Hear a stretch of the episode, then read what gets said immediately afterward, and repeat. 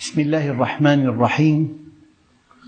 الحمد لله رب العالمين والصلاة والسلام على سيدنا محمد وعلى آل بيته الطيبين الطاهرين وعلى صحابته الغر الميامين أمناء دعوته وقادة ألويته وارض عنا وعنهم يا رب العالمين.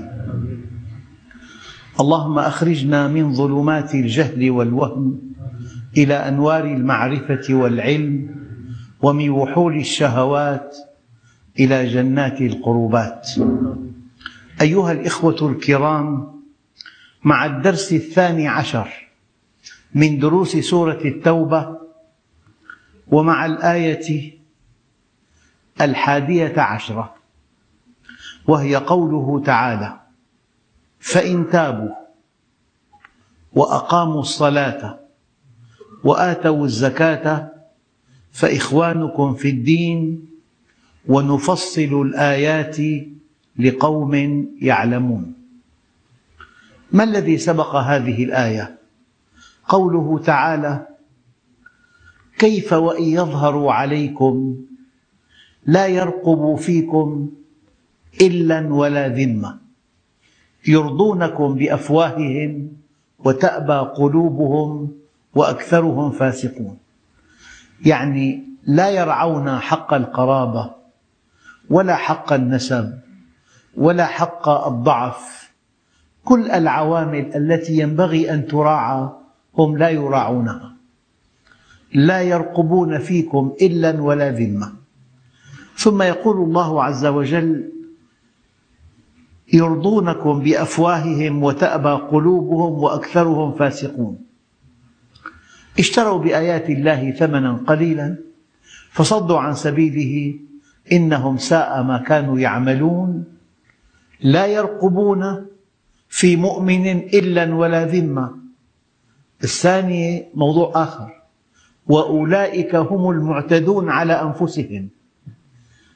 لقد اعتدوا عليكم حينما لم يراعوا أي عنصر يخفف عداوتهم واعتدوا على أنفسهم حينما فعلوا هذا الفعل الذي سيحاسبون عليه يوم القيامة. لذلك الذي لا يؤمن يظلم نفسه والذي يعتدي يظلم نفسه. الظلم ظلمات يوم القيامة. الحقيقة الدقيقة من خلال هذه الآيات أن لكل عمل نتيجة يوم القيامة.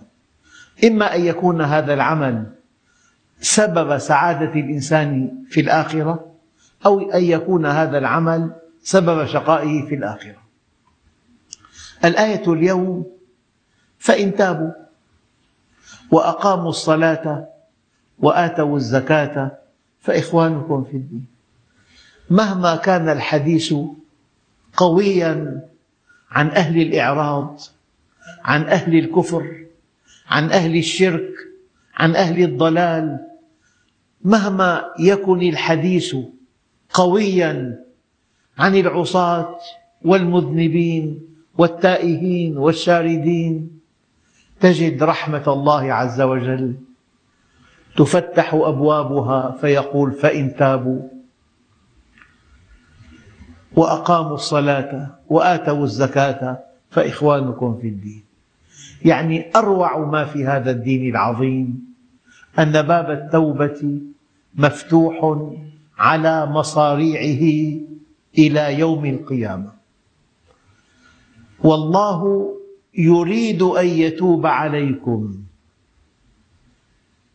ويريد الذين يتبعون الشهوات أن تميلوا ميلا عظيما.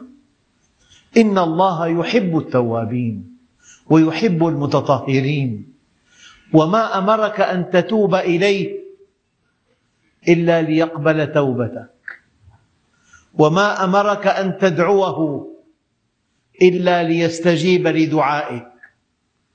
وما أمرك أن تسترحمه إلا ليرحمك. يعني دقق فيما سأقول. ما أمرك أن تتوب إليه إلا ليتوب عليك. وما أمرك أن تدعوه إلا ليستجيب لك. وما أمرك أن تستغفره إلا ليغفر لك. فإن تابوا وأقاموا الصلاة. أخواننا الكرام الصلاة عماد الدين وعصام اليقين. وسيدة القربات ومعراج المؤمن إلى رب الأرض والسماوات. معراج المؤمن إلى رب الأرض والسماوات. لا خير في دين لا صلاة فيه. أركان الإسلام الصلاة والصيام والحج والزكاة والنطق بالشهادة. النطق بالشهادة يكفي مرة في العمر. والحج يسقط عن المريض والفقير. والصيام يسقط مع أدائه مستقبلا عن عن المريض والمسافر. ما الفرض الذي يعد الفرض الأول؟ الذي يعد الفرض المتكرر؟ الذي لا يسقط بحال إنه فرض الصلاة. لا خير في دين لا صلاة فيه. والصلاة ولا بشكل إلا بحالة نادرة جدا لا تقع للمئة ألف إنسان إلا نادرا أن يصاب بغيبوبة كاملة بسبات كامل. وما سوى ذلك المريض يصلي.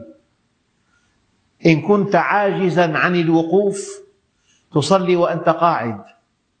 وقد تصلي وأنت مضطجع. وقد تصلي بإيماءات من رأسك. فلا بد من أن تصلي. الفرض الوحيد المتكرر الذي لا يسقط بحال. إن هذا الدين في الأصل اتصال بالله. وأقم الصلاة لذكري. الصلاة عماد الدين وعصام اليقين. الصلاة معراج المؤمن. الصلاة كما قال عليه الصلاة والسلام طهور. إن أحكمت الصلة بالله طهرت قلبك من الأمراض. من الحقد من الحسد من الكبر من التطاول. كل الأمراض النفسية تشفى منها من خلال الصلاة لأن النبي عليه الصلاة والسلام يقول الصلاة طهور والصلاة نور. إن الله سبحانه وتعالى يقذف نوره في قلب المؤمن. من خلال الصلاة فالصلاة نور ترى به الحق حقا والباطل باطلا. ومن أين يأتي شقاء الناس؟ يأتي من العمى. إنها لا تعمى الأبصار ولكن تعمى القلوب التي في الصدور. الإنسان قبل أن يتحرك له رؤية. رؤية المصلي صحيحة. متطابقة مع منهج الله. لذلك المصلي لا يدمر. لكن رؤية غير المصلي قد يرى أن يقترف جريمة فيكون إعدامه بعد أيام.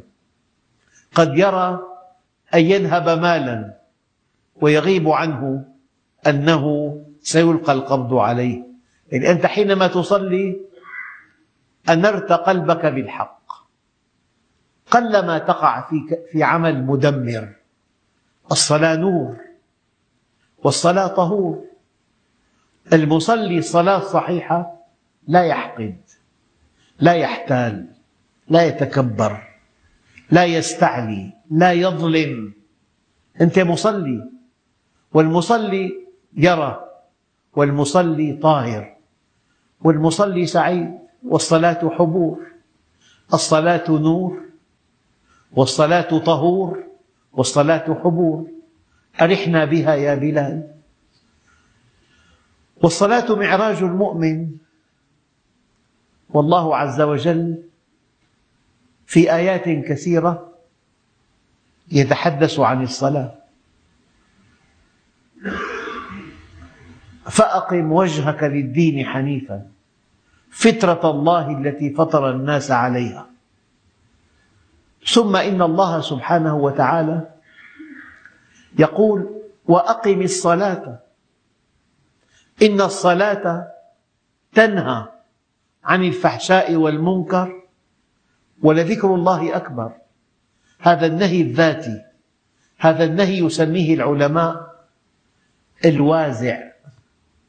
عظمة هذا الدين أنه في الأصل مبني على الوازع الداخلي.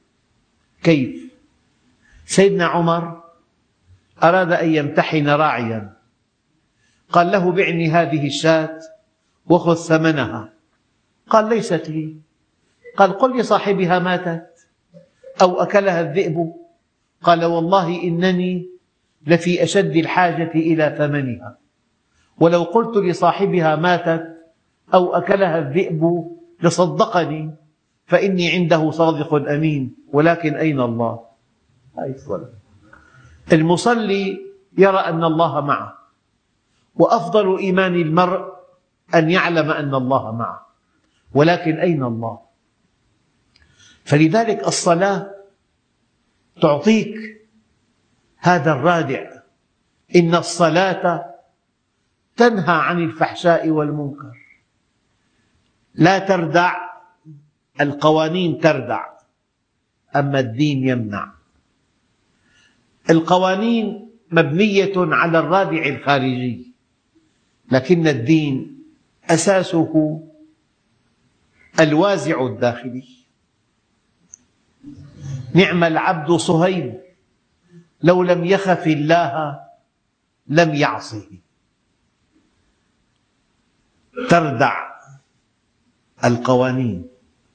أما الصلاة فتمنع والفرق كبير بينهما. أيها الإخوة وأقم الصلاة إن الصلاة تنهى عن الفحشاء والمنكر ولذكر الله أكبر. قال بعض العلماء ذكر الله أكبر ما فيها. وقال بعضهم وهذا المعنى دقيق جدا. ذكر الله لك أيها المصلي. وأنت تصلي أكبر من ذكرك له. لأنك إن ذكرته أديت واجب العبودية. لكنه إذا ذكرك لكنه إذا ذكرك منحك الرضا. والرضا عطاء كبير. المؤمن راضي عن الله. إنه إن ذكرك منحك نعمة الأمن. وهذه النعمة لا يتمتع بها إلا المؤمن. فأي الفريقين أحق بالأمن إن كنتم تعلمون الذين آمنوا ولم يلبسوا إيمانهم بظلم أولئك لهم الأمن وهم مهتدون. إذا ذكرك منحك الرضا. إذا ذكرك منحك الأمن. إذا ذكرك منحك الحكمة.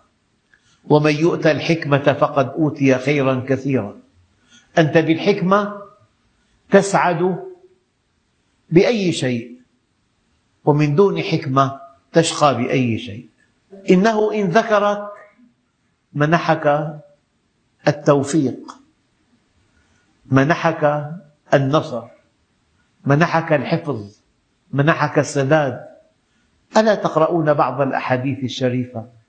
إن بيوتي في الأرض المساجد وإن زوارها هم عمارها.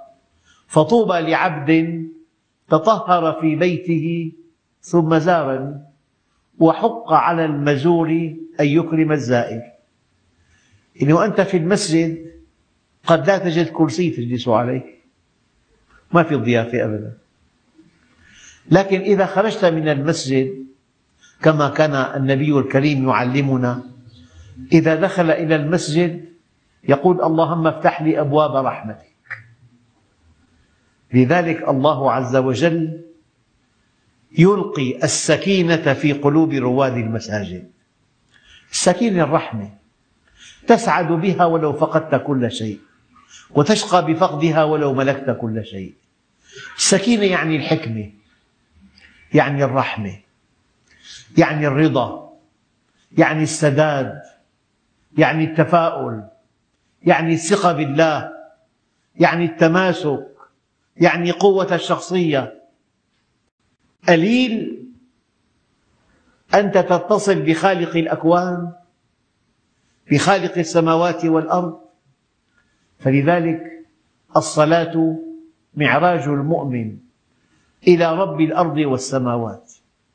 الصلاة عماد الدين وعصام اليقين. الصلاة سيدة القربات. الصلاة اتصال بالله.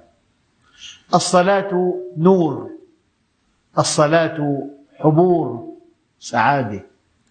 الصلاة طهور. الصلاة فيها يذكرك الله عز وجل. ذكرك منحك الأمن. ذكرك منحك حياة زوجية سعيدة. ذكرك منحك توفيق. ذكرك منحك هيبة. ذكرك منحك قوة شخصية. ذكرك منحك توفيق. ذكرك منحك رضا. لذلك وأقم الصلاة. إن الصلاة تنهى عن الفحشاء والمنكر ولذكر الله أكبر. هذه الصلاة التي يصليها بعض الناس لا خشوع فيها ولا اتصال بها هذه الصلاة ما أرادها الله عز وجل. ما أرادها الله عز وجل قولا واحدا لقول النبي الكريم لما رأى مصليا يصلي كما يصلي بعض الناس قال له قم فصلي إنك لم تصلي. الصلاة قرب من الله الصلاة حبور الصلاة نور الصلاة إقبال الصلاة حكمة. يمنحك الحكمة في الصلاة يمنحك الرضا في الصلاة يمنحك التوفيق في الصلاة. لذلك الآية الكريمة فإن تابوا. تابوا وأقاموا الصلاة. يعني بشكل أو بآخر لو واحد تاب من معصية ولم يحكم صلاته ربما عاد إليها. لأن الصلاة كبيرة يعني صعبة يعني ثقيلة إلا على الخاشعين. إذا كنت خاشعا مستقيما مصطلحا مع الله مطيعا الصلاة جنة أرحنا بها. الصلاة نور الصلاة حبور الصلاة قرب من الله عز وجل. أما من دون استقامة وإنها لكبيرة يعني ثقيلة إلا على الخاشعين. إن أردت أن تسعد بالصلاة فاستقم على أمر الله. الاستقامة أحد أكبر أسباب الخشوع في الصلاة. قد أفلح المؤمنون الذين هم في صلاتهم خاشعون والذين هم عن اللغو معرضون والذين هم للزكاة فاعلون. لذلك أيها الإخوة فإن تابوا وأقاموا الصلاة. الدين صلاة. لا خير في دين لا صلاة فيه. فإن تابوا وأقاموا الصلاة وآتوا الزكاة. يعني ممكن أن نفهم الزكاة في هذه الآية بفهم ضيق هو أن تؤتي ربع العشر من مالك زكاة مالك كل عام. إذا حال عليه الحول. ويمكن أن يتوسع معنى معنى الزكاة لخدمة الخلق. وكأن السيد المسيح عليه وعلى نبينا أفضل الصلاة والسلام حينما قال الله على لسانه في القرآن وأوصاني بالصلاة والزكاة ما دمت حيا. يعني أنت لك حركتان. حركة نحو الله معرفة وطاعة وعبادة وتقربا وحركة نحو الخلق انضباطا وإحسانا. لك علاقتان علاقة مع خالق السماوات والأرض وعلاقة مع من حولك من البشر. فإذا أحكمت هاتين العلاقتين كنت في مأمن من عذاب الله. وأوصاني بالصلاة والزكاة ما دمت حيا. فإن تابوا وأقاموا الصلاة يعني أقاموا الصلاة ألا تدرك معي أنه إنسان أقام بناء العمل مو سهل. في رخص. قد تبقى الرخصة لعام أو عامين. في حفر أساسات. وقد تدفع مبالغ فلكية لا ترى بالعين تحت الأرض. حفر وأساسات وقاعة استنادات وإسمنت وحديد كله تحت الأرض. ثم بيت بيت على الهيكل إلى أن تكسى البناء كسوة راقية. وتزين نقول أقام البناء. يعني إنسان أيام يزيح حاجة من هنا إلى هنا. ما بتقول أقام أزاح. أما أقام عمل كبير عمل له مقدمات له شروط له حيثيات له مراحل. فلذلك أقام الصلاة. يعني تعرف إلى الله. وبعد التعرف إلى الله تعرف إلى منهجه. وبعد التعرف إلى منهجه حمل نفسه على طاعته. وبعد أن حمل نفسه على طاعته تقرب إليه بالأعمال الصالحة. معرفة واستقامة وعمل صالح عندئذ تقول الله أكبر ربما انعقدت لك مع الله صلة. يعني للتقريب فيك تقول واحد معه دكتوراه ولا يحمل شهادة ابتدائية شيء مضحك. الدكتوراه مرحلة متقدمة جدا. في أبلة ابتدائي إعدادي ثانوي جامعة دبلوم عام دبلوم خاص ماجستير دكتوراه. فالصلاة معنى ذلك المصلي مستقيم والمستقيم يعرف الله تعرف إلى الله تعرف إلى منهجه أطاعه تقرب إليه فلما قال الله أكبر انعقدت صلة بينه وبين الله. وطبعا أنت حينما تتوضأ وتقف وتقرأ الفاتحة وتركع وتسجد هذه الصلاة المكتوبة سقطت عنك. يعني سقط عنك اسم ترك الصلاة. صليت. لكن البطولة أن يكون لك اتصال بالله في أثناء الصلاة. يعني واحد دعاك إلى طعام أتيت لكن ما أكلت شيء. الداعي يتمنى عليك أن تأكل لا أن تثبت وجودك بميم. هذه الميم لا تقدم ولا تؤخر. لذلك الوقت وقت. صليت وقمت من عملك وتوضأت ووقفت بين يدي الله. لم لا تسعى بإحكام العلاقة مع الله؟ لكن إحكام العلاقة مع الله سببه الكبير الاستقامة على أمره. لأن الذنوب تحجب عن الله. الذنوب تحجب عن الله. فإن تابوا وأقاموا الصلاة وآتوا الزكاة. فإخوانكم في الدين. عظمة هذا الدين أن غير المؤمن لمجرد أن يؤمن أصبح أخا لكل مؤمن. له ما للمؤمنين وعليه ما على المؤمنين. فإن تابوا وأقاموا الصلاة وآتوا الزكاة فإخوانكم في الدين.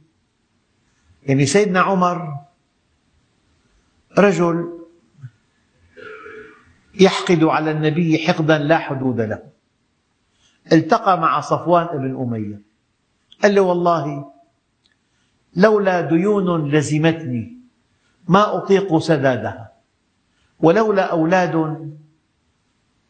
أخاف عليهم العنة من بعدي. لذهبت وقتلت محمدا وأرحتكم منه. قال له صفوان أولادك أولادي ما امتد بهم العمر. وأنت وديونك علي بلغت ما بلغت.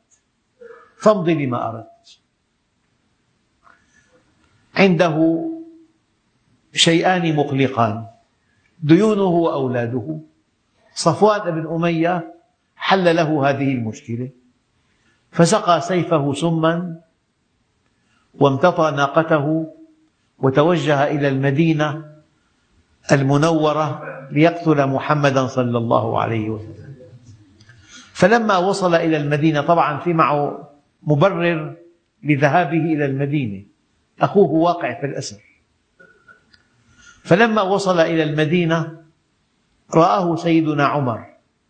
فقال هذا عمير عدو الله جاء يريد شرا.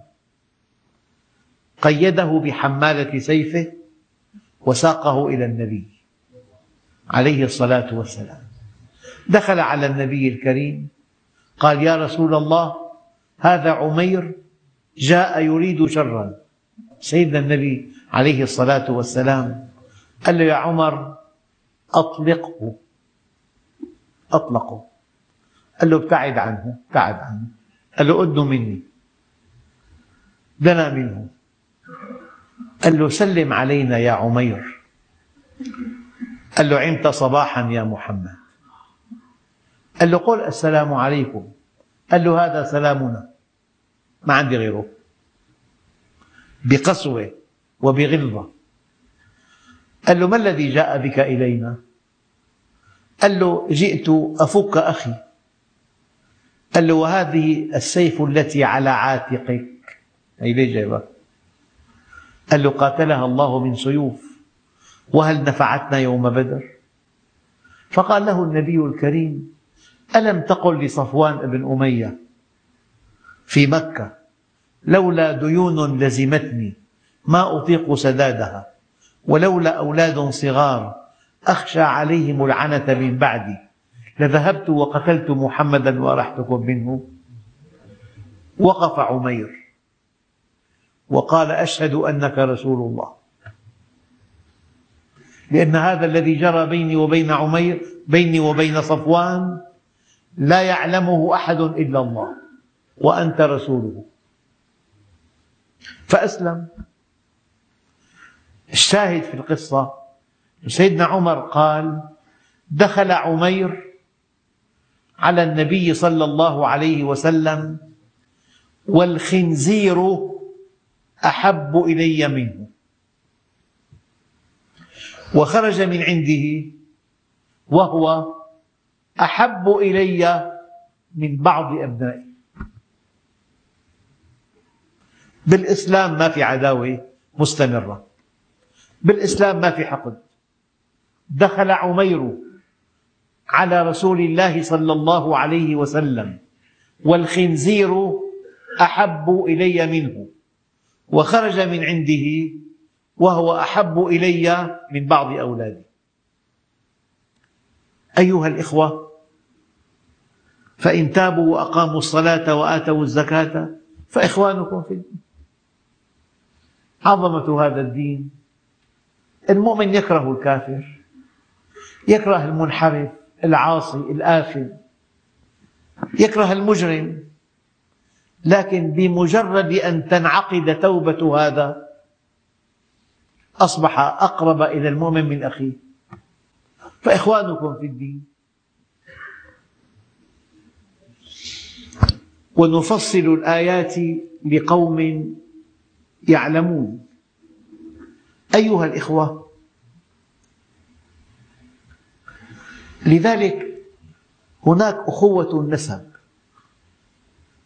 الأخ النسبي الأخ لأب أو الأخ لأم أو الأخ لأم أو أب. ولكن رب أخ لك لم تلده أمك. هذه أخوة الإيمان وهو من أمتن أنواع الأخوة. لذلك ورد في بعض الآثار القدسية وجبت محبتي للمتحابين في والمتجالسين في والمتبادلين في والمتزاورين في والمتحابون في جلالي على منابر من نور يغبطهم عليها النبيون يوم القيامة. إذا فإن تابوا وأقاموا الصلاة وآتوا الزكاة فإخوانكم في الدين. والتاريخ الإسلامي يشهد أنه في عداوات في الجاهلية لا يعلمها إلا الله. بعد أن آمن آمنوا جميعا كان بينهم من المودة ما لا يصدق. هذه مودة الإيمان.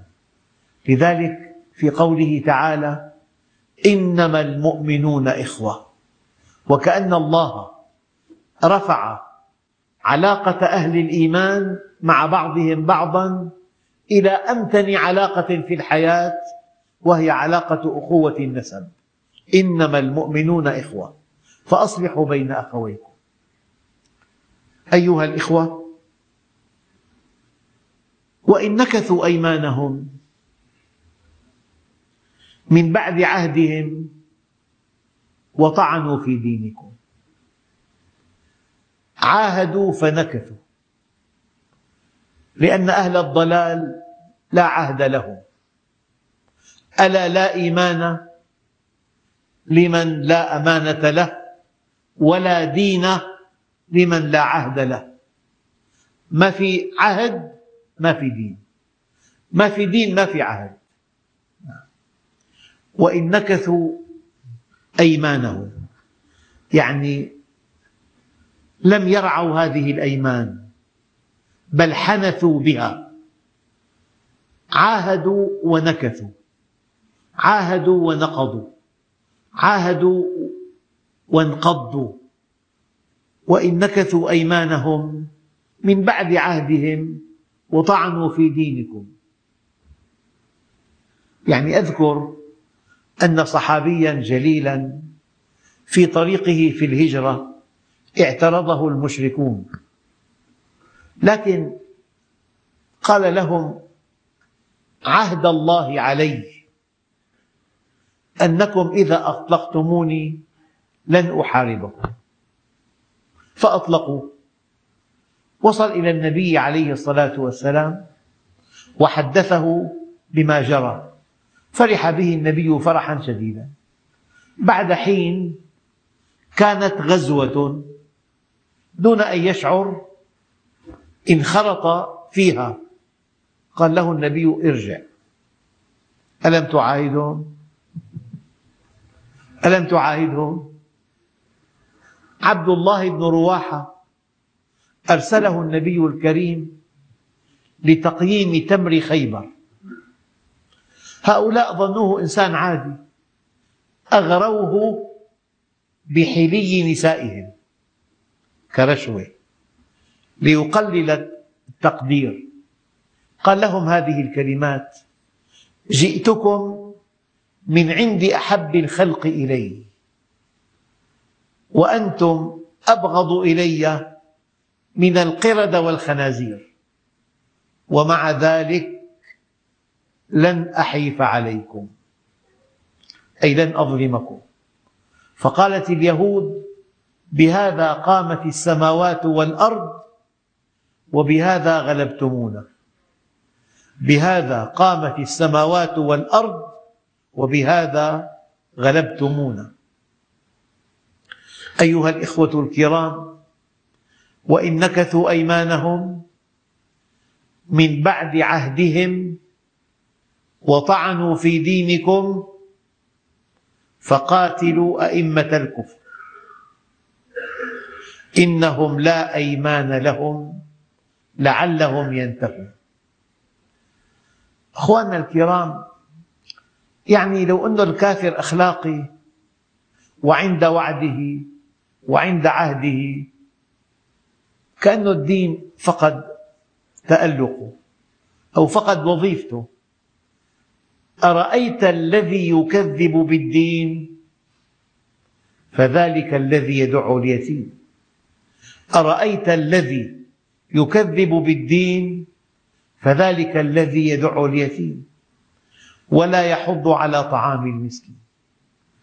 لذلك كلمة مؤمن لها معاني كثيرة. يعني مستحيل على مؤمن أن يكذب أن يحتال أن يخادع لأنك مؤمن أنت مقيد بمنهج الله. لأنك مؤمن أنت متصل بالله. لأنك متصل بالله أنت أخلاقي. أنت صادق أنت أمين. يعني بماذا عرف الصحابة الكرام الإسلام للنجاشي؟ قال حدثوني عن الإسلام. قال سيدنا جعفر أيها الملك كنا قوما أهل جاهلية. نعبد الأصنام ونأتي الفواحش ونقطع الرحم ونسيء الجوار حتى بعث الله فينا رجلا. دقق. كنا قوما أهل جاهلية. نعبد الأصنام ونأكل الميتة ونأتي الفواحش ونسيء الجوار ونقطع الرحم. أي الجاهلية؟ حتى بعث الله فينا رجلا نعرف أمانته وصدقه وعفافه ونسبه. نعرف أمانته وصدقه وعفافه ونسبه. الصدق والأمانة والعفاف أركان الأخلاق. إن حدثك فهو صادق إن عاملك فهو أمين إن استثيرت شهوته فهو عفيف وفوق ذلك هناك تاج على رأسه هو النسب. حتى بعث الله فينا رجلا نعرف أمانته وصدقه وعفافه ونسبه فدعانا إلى الله لنعبده ونوحده ونخلع ما كان يعبد آباؤنا من الحجارة والأوثان وأمرنا بصدق الحديث وأداء الأمانة وصلة الرحم والكف عن المحارم والدماء. لذلك الإسلام كيان أخلاقي مبني على دعائم هي أركان الإسلام. قال عليه الصلاة والسلام بني الإسلام على خمس. الإسلام كيان أخلاقي وإنك لعلى خلق عظيم. الإيمان هو الخلق فمن زاد عليك في الخلق زاد عليك في الإيمان. بني الإسلام على خمس الخمس الصلاة والصوم والحج والزكاة والنطق بالشهادة. وإن نكثوا أيمانهم من بعد عهدهم وطعنوا في دينكم سفهوا هذا الدين فقاتلوا أئمة الكفر. هؤلاء بالمصطلح المعاصر مجرمو الحرب الذين يقودون الحروب ويسفكون الدماء فقاتلوا أئمة الكفر إنهم لا أيمان لهم. لعلهم ينتهون أيها الإخوة الكرام لذلك يجب أن يكون الدين قويا. إذا كان قوي معه قوة ردع. المؤمن القوي خير وأحب إلى الله تعالى من المؤمن الضعيف. من هنا الله عز وجل يقول وإن نكثوا أيمانهم من بعد عهدهم وطعنوا في دينكم فقاتلوا أئمة الكفر إنهم لا أيمان لهم لعلهم ينتهون والحمد لله رب العالمين.